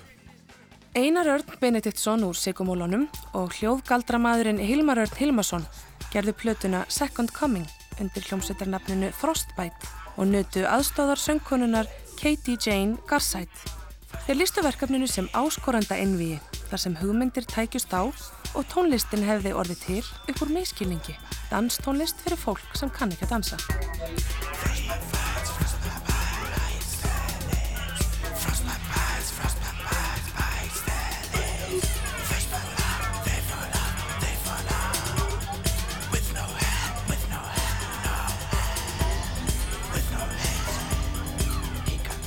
Tríóið Júkatan frá Reykjavík sigraði í músiktilunum um vorið og Átni Mattíasson, bladamaður Morgonbladsins, talaði um nýbylgju sigur í greinsinni um úrslitakvöldið. Dauðarokkið, sem hafði nánast einákað keppnina árin og undan, var klárlega á undanhaldi og nýbylgjurokk meira áperandi. Hljómsveitin Tjáls Gissur var í öðru sæti en hún skartaði meðal annars bræðrunum Guðlugi og Kristni Júniussonum og söngkorunni Emilíunu Torrini og það vakti aðtegli átna að hún söng aðeins eitt lag á úslitakvöldinu en Emilíana sagði síðar í viðtali að lagið sem hún söng með Tjáls Gissur hefði alls ekki passað fyrir hana og í kjölfarið var hún rekin úr hljómsveitinni. Júkatan var hins vegar skipuð þeim Óla Byrni Ólafsinni, Birki Bjössinni og Reyni Baldursinni. Þeir dreifu sig í hljóðverð og fyrir jólinn kom út platan Sapnar Guðum, Sapnar Frímerkjum á vegum Smekkleysu og hér heyrðum við brot úr læginu Mansson með hljómsveitinni Júkatan.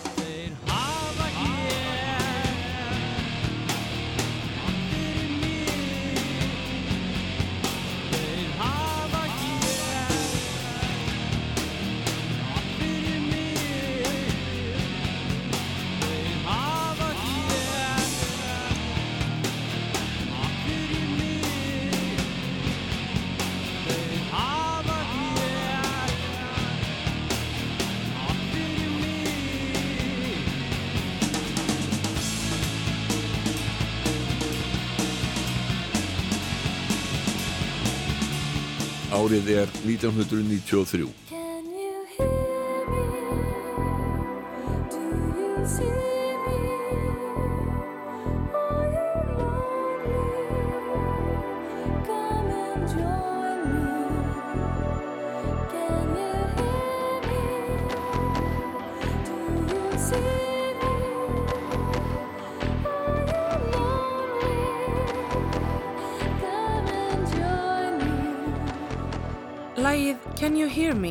plötu Piece of Cake, Duet, fekk ágættar viðtökur. En þetta var eina stóra plata hljómsveitarinnar.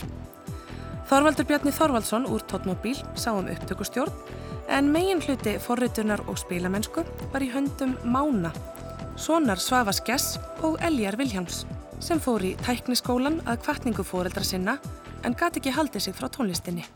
Það lag sem hlaut mesta spilun var Kere með en þar söng Ingibjörg Stefánsdóttir megin hluta lagsins en Elli Viljáms söng viðlagið.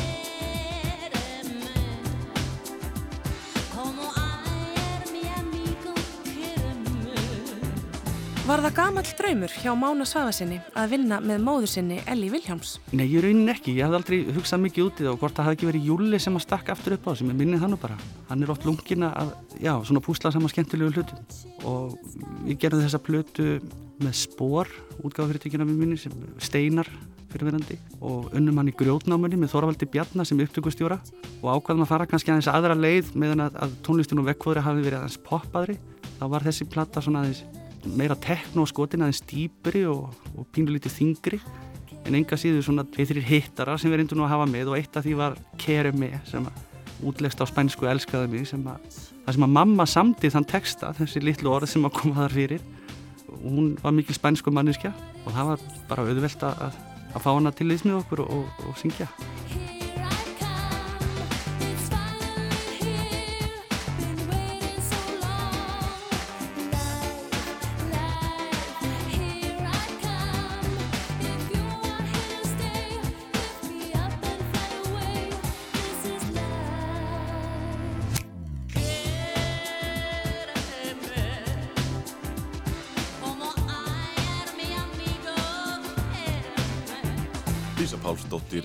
Elli Vilhjáls á Rás 2 jólin 1993 um lagið Kereme sem hún söng með Piece of Cake hljómsveit Mána sonar hennar. En nú varst að syngja með sinni þínum núna fyrir jólin á Piece of Cake. Þá söngstu svona á þessa nýju danstólist. Hvernig fannst þér að vinna það? Nei, Lísa, ég söng nú ekkert með hann. Ég söng nokkur orð. Ha, og það var nú eiginlega ekkert sem hægt er að tala um. Og raun að svo lína sem ég söng og hún var ákvæmlega eðlileg, sko, með minnsmekk. Svo að það var nú ekki neitt svona út í bláinn, fannst mér. Nei, mér varst að koma mjög vel út og þetta lag kemur mjög stert út á plötunni. Já, mánu er nokkuð glúrin, þó ég segi nú sjálf frá. Og mér þótti svolítið gaman að gera þetta, því þetta var svona eiginlega, þetta kom bara allt í einu. Ég bara var á þeim punkt að ég sagði bara já ekkert inn við öllu. Það koma svona dagar, þú veist, svona já-dagar, maður segi bara já eiginlega við næstu því öllu. Og þetta er einhvern hitti bara á naglan hennar, alveg. Ég sagði bara já, allt í lagi. Og svo gerðum við þetta.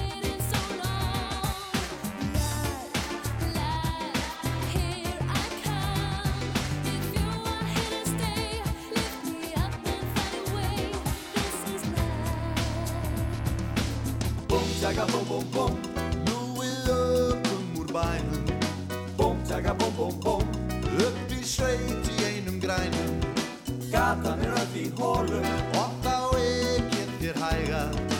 Káverkið allt í mólum Og ég tek á þér væga. Það er enginn sem getur skilið Hvað ég elska þig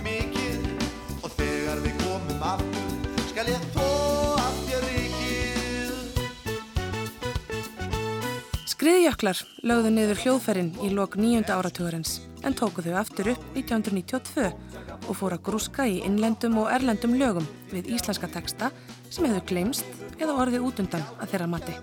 Tíu laga platan Boom Chaka Boom kom út sumari 1993 og þar var endurgerð lagsins Bílinn minn og ég sem Pónik og Þorvaldur Haldursson hljóðrituðu á áttunda áratugnum.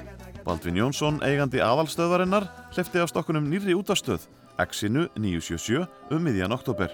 Björn Baldvinsson, útastjóri, sagði við pressuna að hlustendur væri rótin hundleiðir á innantómu bladri misvitur á útasmanna og ætlunin væri að kvíla hljóðnumanna mestu. Sigmar Guðmundsson var dagskrástjóri stöðvarinnar. Rafn Gunnlaugsson gerði myndina Hinn Helgu Vé sem var frumsýnd um sömarið. Hilmar Örn Hilmarsson sá um tónlistina í myndinni en megin stefið sem fekk nafnið Hinn Helgu Vé var í rauninni Fantasia í Sétur eftir Ludvig van Beethoven. Kvikmyndin Stuttur frakki lýsir landinu með augum útlendings. Frakkin Jean-Philippe Labadie leikur franskan umbósmann sem sendur er til Íslands til að sækja tónleika í höllinni með þekktustu hljómsveitum landsins og velja eina eða tvær þeirra til útgáfu. Fyrir miskilning er hann ekki sóttur á flugvöllin og hefst þá þrautaganga hans þar sem hann kynnist ýmsum hliðum á landin okkar. Með önnur aðalhutverk fara Hjálmar Hjálmarsson og Elva Ósk Ólafsdóttir. Leikstjóri var Gísli Snær Erlingsson og framlegandi var Sigurjón Sigvardsson. Eithor Arnalds samti tónlistana fyrir myndina en á plötunni sem gefin var út í tengslum við stuttan frakka mátti heyra lifandi fluttning hljómsveitana sem komið fram á Biorokk tónleikonum sem settir voru upp í lögutalsöll fyrir frakkan sem myndin fjallar um. Árið er 1993.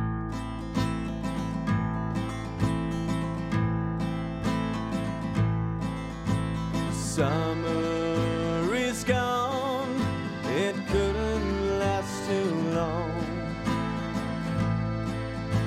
Soon the dawn will be short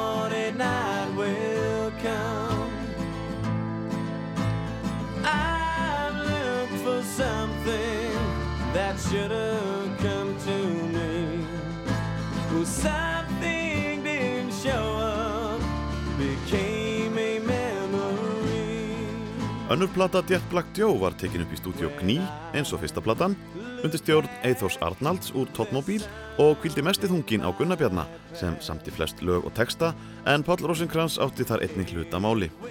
Hrafn Tórótsen orgelleikari, Starri Sigurðarsson bassaleikari og Jón Örn Arnarsson trommari lögðu líka sitt að mörgum. Það var ekki löst við að áhrif frá bítlunum lætu sér inn í lægið Summer is Gone, part 1 eftir Gunnar Bjarnar Ragnarsson sem heyrist hér undir.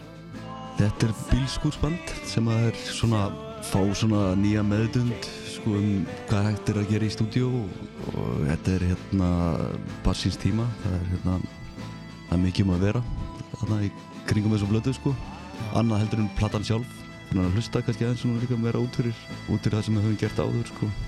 Bítlana sko sem stúdíoband svona setni bítlanir sko. Og maður fer að svona spá í hluturna sko út frá því að hvað er hægt að gera í stúdíu sem maður hefði ekki gert sér hugulendum og, og Eithor fann að sleppa á okkur kannski lausum taunum hann líka sko við erum kannski konið betur inn í útsettingar með honum fyrstu plötunni var hann daldið svona myndi ég segja sko að við alveg kent okkur þetta sko Já, hann sér um upptökur og upptökustjórn, hann er svona Já. ykkar George Martin bara. Eithor Arnalds. Já, og hérna, þó hann sé aðeins minna við þarna heldur en á, á fyrri plötunni. En svo bara svo margt að gerast þarna á þessum tíma. Það verið að reyna við útlönd sem var takmarkið reyndar frá já. hljómsveit og það gengur raunverulega vel á þessum tíma. Það er að pompa inn samningar og við erum búin að fara í eitt hljómleika ferðalag og á leiðinni, við erum að bóka á svona, við erum önnu kaflinu við að borga barskuldir og, og veist, með því að spila sem er reynda bara skemmtilegt og, hérna, og þetta var náttúrulega vorum yngri Já. vorum sem sagt, áttum margar kæristur þessum tíma Já, þið voru svona hálbrjálæðir, það er alveg hægt að segja það, Gunnar Byrni. Black Joe átti fullt í fangi með að láta hlutina ganga upp. Erlendir umbóðsmenn og útgefundur buðum gull og græna skóa og það lág fyrir að þeir eruðu að klára plötu nr. 2 sem gekk ekkert allt og vel. Vinslan hófst um haustið og lendi það mestu á Gunnabjarna að halda hlutunum saman. Lögin sveifluðust frá rólegum balluðum yfir í þungt rock með melodískum laglínum.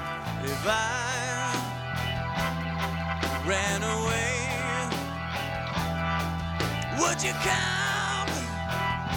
We don't have much time. Life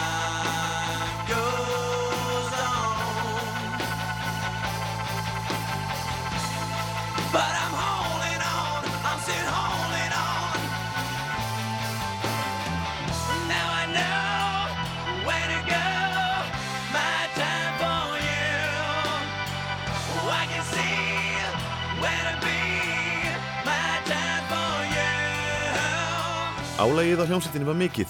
Gunnar Bjarni veiktist alvarlega og þurfti að fara í aðgerð sem fáir vissu af. En um tíma var óvíst að platan Jú Eint Hér erði tilbúin fyrir jólin. Þar kom fleira til og erfiðleikar innan raða hljómsveitarinnar náðu hámarki þegar Páll Rósenkrantz sagðist ekki nenna að mæta í stúdíu til að syngja. Símtækið er merkilegu uppfinning því í símtólinu er hljóðnemi sem hægt er að nota til að taka upp söng og þannig fór þessi söngur inn á plötuna.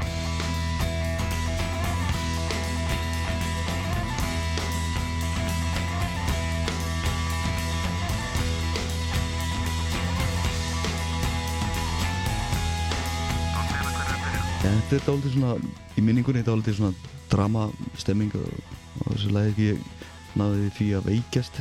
Og lengi mjög hérna, svona bara alvarlega veikur með eitthvað alls konar mæligræður og tæki utan á mér sko þegar ég er að taka þetta upp. Og það er búið að þingjast þarna ákveðið svona andrúsloftið í bandinu einhverjum ástæðum. Palli neytar að koma í stúdíu sko. Sé bara, þá, þá syngur þetta bara gegnum síma og hann fælst á það. Sko metnaðurinn er orðin dálítið sko komin á eitthvað grátt sæði þarna liggur kannski meira því að upplifa rock'n'roll drauminn sko frekar en raunverulega sko að framkoma svona að mér finnst þetta en útkomunum verður bara, bara því betri fyrir vikið sko. Hann, hann syngur þetta bara í gegnum síma á náttöldunum bara heima hjá sér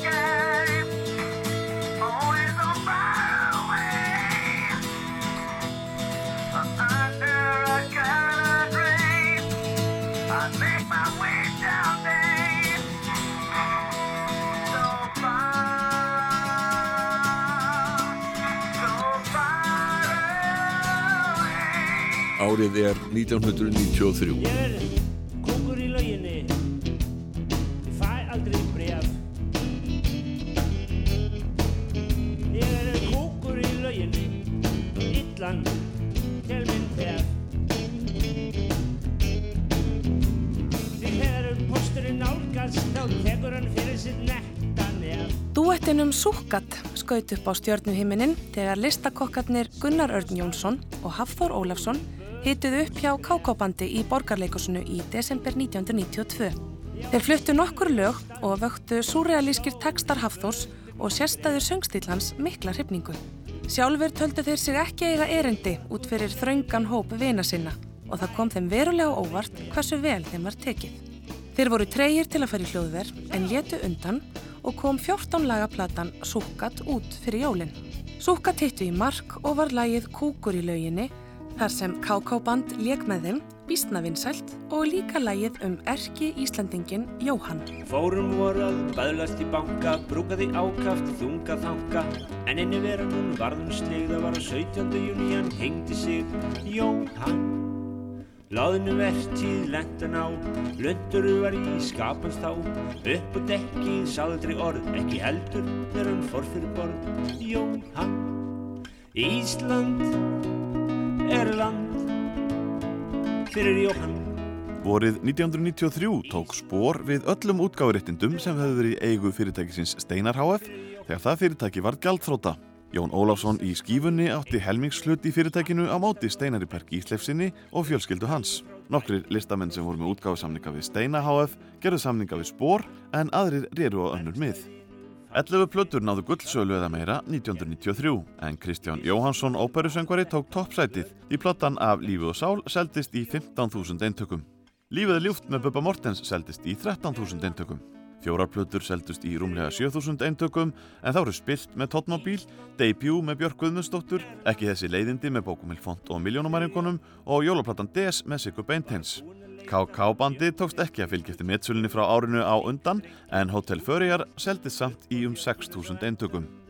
Besta íslenska plata ásins í pressunni og tónlistartíðindum var Debut með Björk, Spilt með Totmobil var eins og að besta plata ásins hjá Rás 2, Devaf og Degi, auk þess sem Totmobil fekk íslensku tónlistafelunin fyrir bestu plötu ásins. Og þá er árið 1993 á enda. Ég heiti Sigriður Torlasíus, umsjónumenn þáttarins eru Ásker Eithórsson og Gunnlaugur Jónsson og Jónatan Garðarsson aðstóðaði við handritskerð. Við höldum svo áfram á sama tíma og sama stað eftir viku og förum yfir íslenska tónlistarárið 1994. En við endum á lagi af fjórðu plötu stjórnarinnar sem kom út vorið 1993 og fekk nafni Rigg. Platan var nýjulaga, fimm þeirra höfðu komið út áður á sapplötum en fjögur voru ný. Stjórnin fylgdi útgáðinni eftir með ballspilamennsku allt sumarið en í áspyrjun 1994 hætti stjórnin þegar Sigga Beinteins, Fridrik Karls og Halli Gulli stopnuðu hljómsdina 1 plus 1 með Guðmundi Jónssoni úr sálinni og bassalekaranum Þórði Guðmundssoni. Takk fyrir að hlusta.